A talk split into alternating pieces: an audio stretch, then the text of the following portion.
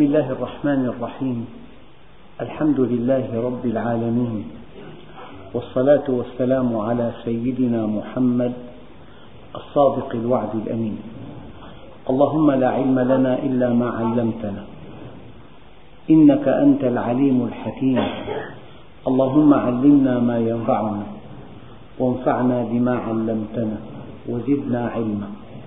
وأرنا الحق حقا وارزقنا اتباعه. وأرنا الباطل باطلا وارزقنا اجتنابه. واجعلنا ممن يستمعون القول فيتبعون أحسنه. وأدخلنا برحمتك في عبادك الصالحين. أيها الإخوة المؤمنون مع الدرس الرابع والعشرين من دروس سورة المائدة ومع الآية الرابعة والأربعين وهي قوله تعالى إنا أنزلنا التوراة فيها هدى ونور يحكم بها النبيون الذين أسلموا للذين هادوا والربانيون والأحبار بما استحفظوا من كتاب الله وكانوا عليه شهداء فلا تخشوا الناس واخشوني ولا تشتروا بآياتي ثمنا قليلا ومن لم يحكم بما أنزل الله فأولئك هم الكافرون أيها الإخوة طبيعة الأمم والشعوب قديما أن كل قوم مستقل عن القوم الآخر. ليس هناك تواصل. لذلك جعل الله لكل قوم هاد. وقد يتعاصر الأنبياء لأن كل نبي لقوم ولأن كل قوم لهم مشكلات. ولهم سقطات ولهم زلات ولهم مخالفات.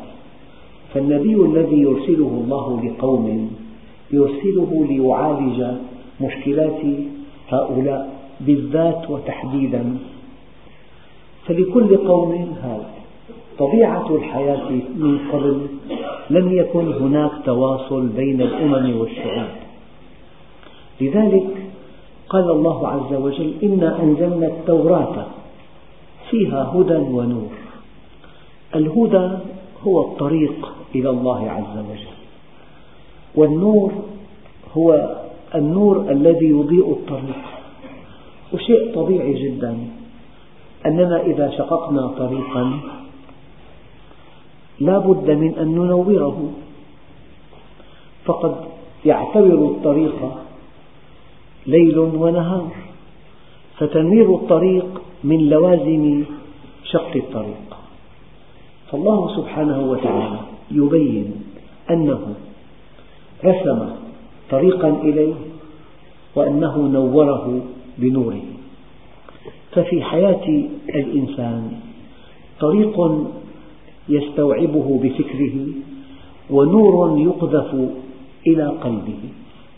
فهناك معالم للطريق وهناك نور يقذفه الله في قلب المؤمن يهتدي به في الطريق إذا أظلمت الأمور. لكن هذه التوراة كما قلت قبل قليل متعلقة ببني إسرائيل باليهود حصرا. إنا أنزلنا التوراة فيها هدى ونور. أولا لأن الله سبحانه وتعالى خلقنا لنعرفه وخلقنا لنعبده. فلا بد من أن ينزل كتبا وأن يرسل رسلا. هذه حقيقة. لكن الإنسان حينما يغفل عن الله عز وجل حينما لا يتبع طريق الهدى وحينما يعمى قلبه فلا يستنير بنور الله يضل سواء السبيل. وقد قال الله عز وجل فمن اتبع هداي فلا يضل ولا يشقى. إنا أنزلنا التوراة فيها هدى ونور. هذا الكون يدل على عظمة ما بعدها عظمة. يدل على علم وعلى حكمة وعلى رحمة وعلى لطف. فكل أسماء الله الحسنى يشف عنها الكون. أسماء الله الحسنى يشف عنها الكون. كمال الخلق يدل على كمال التصرف وكمال الخلق يدل على كمال التشريع. فمن لوازم كمال الله عز وجل أنه خلق كل شيء فأحسن خلقه. ولا يعقل ولا يقبل أنه ترك خلقه معطلين عن التوجيه وعن الإرشاد. لذلك بعثة الأنبياء متواصلة وإرسال الرسل متواصل وإنزال الكتب متتابع لأن الله سبحانه وتعالى خلقنا لنعرفه وخلقنا لنعبده وخلقنا لنسعد به في الدنيا والآخرة.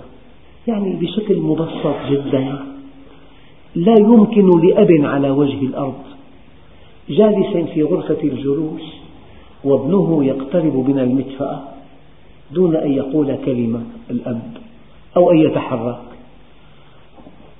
من لوازم الرحمة أن ترشد الضال من لوازم الرحمة أن تربي الذي شرد عنك. إذا أن يرسل الله رسلا وأن يبعث أنبياء وينزل الكتب. هذا شيء يتناسب مع كماله. ومع علة وجودنا أوجدنا الله كي نعرفه. إذا يقول الله عز وجل إن علينا للهدى. وكلمة على إذا جاءت مع لفظ الجلالة تعني الإلزام الذاتي. يعني الله عز وجل ألزم نفسه ذاتيا بهداية الخلق. إن علينا للهدى. وفي آية ثانية وعلى الله قصد السبيل. يعني وعلى الله بيان سبيل القصد. ولو علم الله فيهم خيرا لأسمعهم. يعني أنت مطلوب شئت أم أبيت. بل إن هدايتك ليست صدفة. إنها فعل إلهي مقصود بذاته. أراد الله أن يهديك. لذلك نصب لك هذه الآيات في الكون.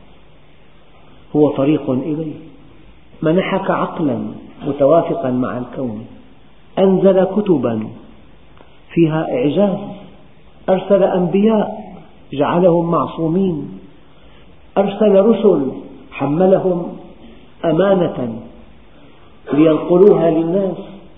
هذه كلها سبل الهداية. ثم تولى الله تربيتنا مباشرة. فالإنسان إذا شرد عن الله عز وجل يسوق له من الشدائد ما يحمله على التوبة. تاب الله عليهم ليتوبوا ولنذيقنهم من العذاب الأدنى دون العذاب الأكبر لعلهم يرجعون. ولنبلونكم بشيء من الخوف والجوع ونقص من الأموال والأنفس والثمرات. وبشر الصابرين الذين إذا أصابتهم مصيبة قالوا إنا لله وإنا إليه راجعون. أولئك عليهم صلوات من ربهم ورحمة. يعني إن دخلت إلى مسجد ورأيت جمعا غفيرا فاعلم علم اليقين أن هؤلاء جميعا قد وفر الله لهم تربية عالية جدا. ساق لهم بعض الشدائد رغبهم خوفهم جمعهم مع أهل الحق أسمعهم كلمة الحق. أنت مطلوب. أنت مطلوب لمعرفة الله مطلوب لعبادته مطلوب كي يرحمك الله عز وجل. وهذا هو الحق. إذا هذه الآية إنا أنزلنا التوراة فيها هدى ونور. التوراة في الحقيقة طريق إلى الله واضحة المعالم كما قال الله عز وجل. وهذه الطريق منورة بنور الله. يحكم بها النبيون الذين أسلموا والحقيقة أنه ما من نبي في القرآن الكريم وما من رسول في القرآن الكريم إلا ووصف بأنه مسلم. لو تتبعت أسماء الأنبياء جميعا وأسماء الرسل جميعا في كتاب الله لوجدت أنه لا بد قطعا وحصرا من أن يوصف النبي وأن يوصف الرسول بأنه مسلم. ومعنى مسلم أي أنه استسلم لله خضع لله انصاع لحكم الله. هذا مفهوم الإسلام الواسع. الإسلام أن تنصاع لله أن تستسلم له أن تخضع له أن تطيعه أن تأتمر بما أمر أن تنتهي عما عنه نهى وزجر. هذا المعنى هو معنى الإسلام الواسع. معنى الإسلام الضيق هو بعثة النبي عليه الصلاة والسلام والوحي الذي نزل على قلبه وهذا القرآن. هذا هو الإسلام بالمعنى الضيق. فكل نبي مسلم وكل رسول مسلم وكل من اتبع رسول الله محمدا صلى الله عليه وسلم واتبع قرآنا نزل على قلبه فهو مسلم بالمعنى الآخر. يحكم بها النبيون الذين أسلموا والدين واحد والشرائع متعددة وشرائع الأنبياء السابقين متعلقة بالظروف التي عاشوا فيها وبالمشكلات التي ألمت بأقوامهم وبالمعاصي التي ارتكبوها فأناس بخسوا المكيال والميزان. لهم معالجة خاصة. وأناس أكلوا الربا لهم معالجة خاصة. ولكن ما الذي حصل بعد ذلك؟ حصل بعد ذلك هذا التواصل بين الأمم والشعوب. هذا التواصل نقل كل المعاصي إلى كل الشعوب. هذا شيء واقع الآن. يعني الانحرافات الخطيرة في أقصى الدنيا تنتقل إلى كل أرجاء الدنيا عن طريق هذا التواصل الذي هو سمة العصر. فلأن هناك تواصل بين الأمم والشعوب ولأن هناك علاقات مستمرة بين الأمم والشعوب اقتضى أن يكون النبي صلى الله عليه وسلم محمد آخر الأنبياء والمرسلين. لأن رسالته سوف تعمم على كل الخلق أجمعين. يحكم بها النبيون الذين أسلموا للذين هادوا. كما قلت قبل قليل هؤلاء الأنبياء لأقوامهم حصرا. ولكن يحكم بها النبيون الذين أسلموا للذين هادوا والربانيون. من هو الرباني؟ هو الإنسان الذي يتحرك من أجل ربه بهدى من ربه. ومن أجل ربه متوكلا على ربه محبا لربه مهتديا بهدى ربه. لذلك لأنه في كل شؤون حياته وفي كل حركاته وسكناته يتوخى مرضاة الله عز وجل. فسمي هذا الرباني. لعله ما من صفة يعني يرتقي بها الإنسان كأن يكون ربانيا. كما يقال فلان رباني فلان شهواني فلان شيطاني. فالرباني هو الذي يهتدي بهدي ربه هو الذي ينصاع لأمر ربه هو الذي يقبل على ربه هو الذي يتوخى مرضاة ربه. يحكم بها النبيون الذين أسلموا للذين هادوا والربانيون والأحبار العلماء وعلماء اليهود بالذات. بما استحفظوا من كتاب الله. أيها الإخوة هناك حقيقة دقيقة وهي أن الأنبياء السابقين كانت الكتب التي أنزلت عليهم قد أوكل إليهم حفظها بأمر تكليفي وكتبهم شيء والمعجزات شيء آخر. وليست معجزة الأنبياء السابقين منطبقة على كتبهم بمعنى أن سيدنا عيسى عليه وعلى نبينا أفضل الصلاة والسلام معجزته إحياء الموتى وكتابه الإنجيل. سيدنا موسى معجزته العصا وكتابه التوراة. فالمعجزة ليست عين الكتاب والكتاب ليس عين المعجزة الكتب السابقة. كالتوراة والإنجيل أوكل حفظها إلى الأنبياء وإلى الذين من بعدهم من المؤمنين. فالأنبياء قطعا قاموا بحفظها لكن الذين جاءوا من بعدهم لم يحفظوها كما أراد الله عز وجل لأنه أمر تكليفي والأمر التكليفي غير الأمر التكويني. الأمر التكليفي يعصى. الأمر التكليفي قد لا يطبق.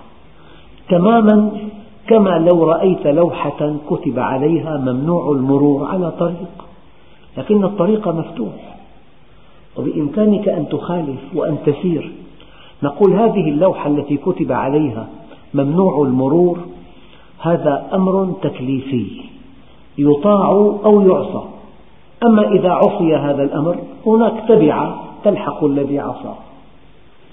لكن الأمر التكويني أن ترى أن الطريق مسدودة بمكعبات من الإسمنت المسلح ارتفاع المكعب متران. هذا أمر تكويني وليس أمرا تكليفيا. إلا أن الله جل جلاله لأن معجزة النبي هي القرآن اتحدت المعجزة مع الكتاب. ولأن النبي لا لقوم محددين بل لكل أمم الأرض أجمعين. لذلك كانت معجزته وهي القرآن محفوظة بأمر تكويني من قبل الله. إنا نحن نزلنا الذكر وإنا له لحافظون. هذا يفسر أن الكتب السماوية السابقة أمر الأنبياء وأتباعهم من بعد بحفظها فالأنبياء حفظوها لكن أتباعهم لم يحفظوها لأن الأمر بحفظها كان أمرا تكليفيا. بينما حفظ القرآن تولاه الله بذاته قال إنا نحن نزلنا الذكر وإنا له لحافظون. لذلك الشيء الذي لا يصدق أن الناس مع أنهم تفلتوا من أحكام القرآن لكن حفظ القرآن كما نزل وبأساليب وبأشكال لا تعد ولا تحصى شيء يلفت النظر. يعني في كل بلاد الأرض هناك طبعات من كتاب الله بكل الأحجام والألوان والأشكال والتوضيحات والتيسيرات ومطبوع بطرائق رائعة جدا لأن الله تولى حفظه. تجد معظم الناس لا يطبقون أحكامه ولكن إذا علم أن تغييرا طرأ عليه تقوم الدنيا ولا تقعد.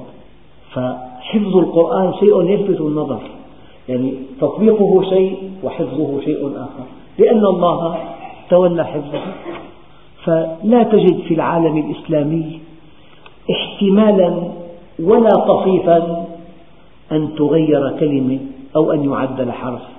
بل إن هناك دراسات تتعلق بالحروف القرآنية وبقضايا في الرياضيات بالغة الدقة تؤكد أنه لو بدلت حركة مكان حركة لاختل النظام الرياضي للقرآن الكريم.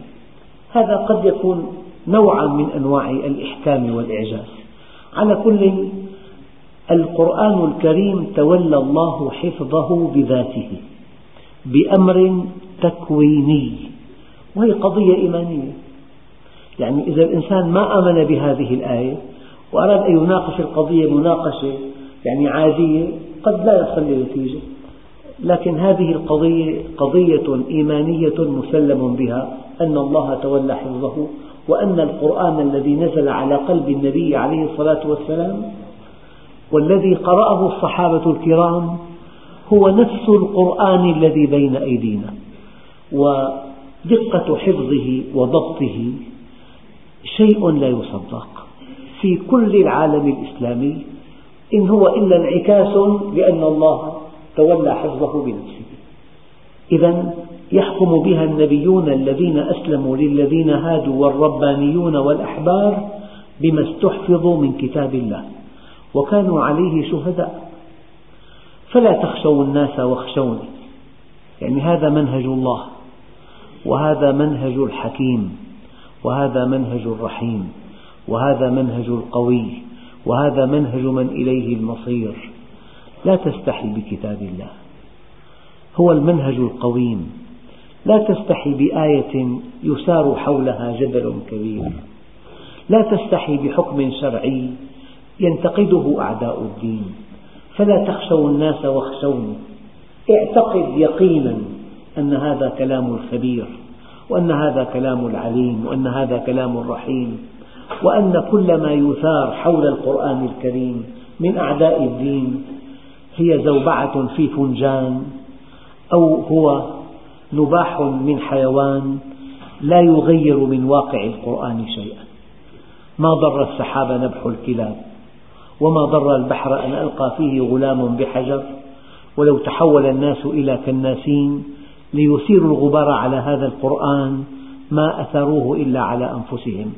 ويبقى القرآن قرآنا هو كلام الواحد الديان. فلا تخشوا الناس واخشوني ولا تشتروا بآياتي ثمنا قليلا. يعني هناك من استحيا ببعض الآيات خجل من بعض الآيات فقال هناك آيات ظالمة في القرآن الكريم. هكذا. لا تخشوا الناس واخشوني لأن الطرف الآخر يعيش للدنيا فقط. بينما ربنا عز وجل أراد لنا الآخرة. أراد لنا حياة فيها ما لا عين رأت ولا أذن سمعت ولا خطر على قلب بشر. ولا تشتروا بآياتي ثمنا قليلا.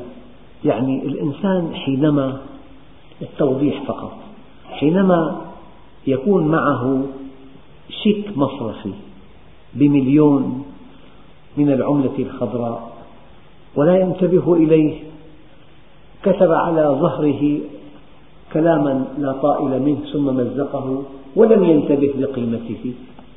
يعني استخدم هذا الشيك كورقة على ظهره.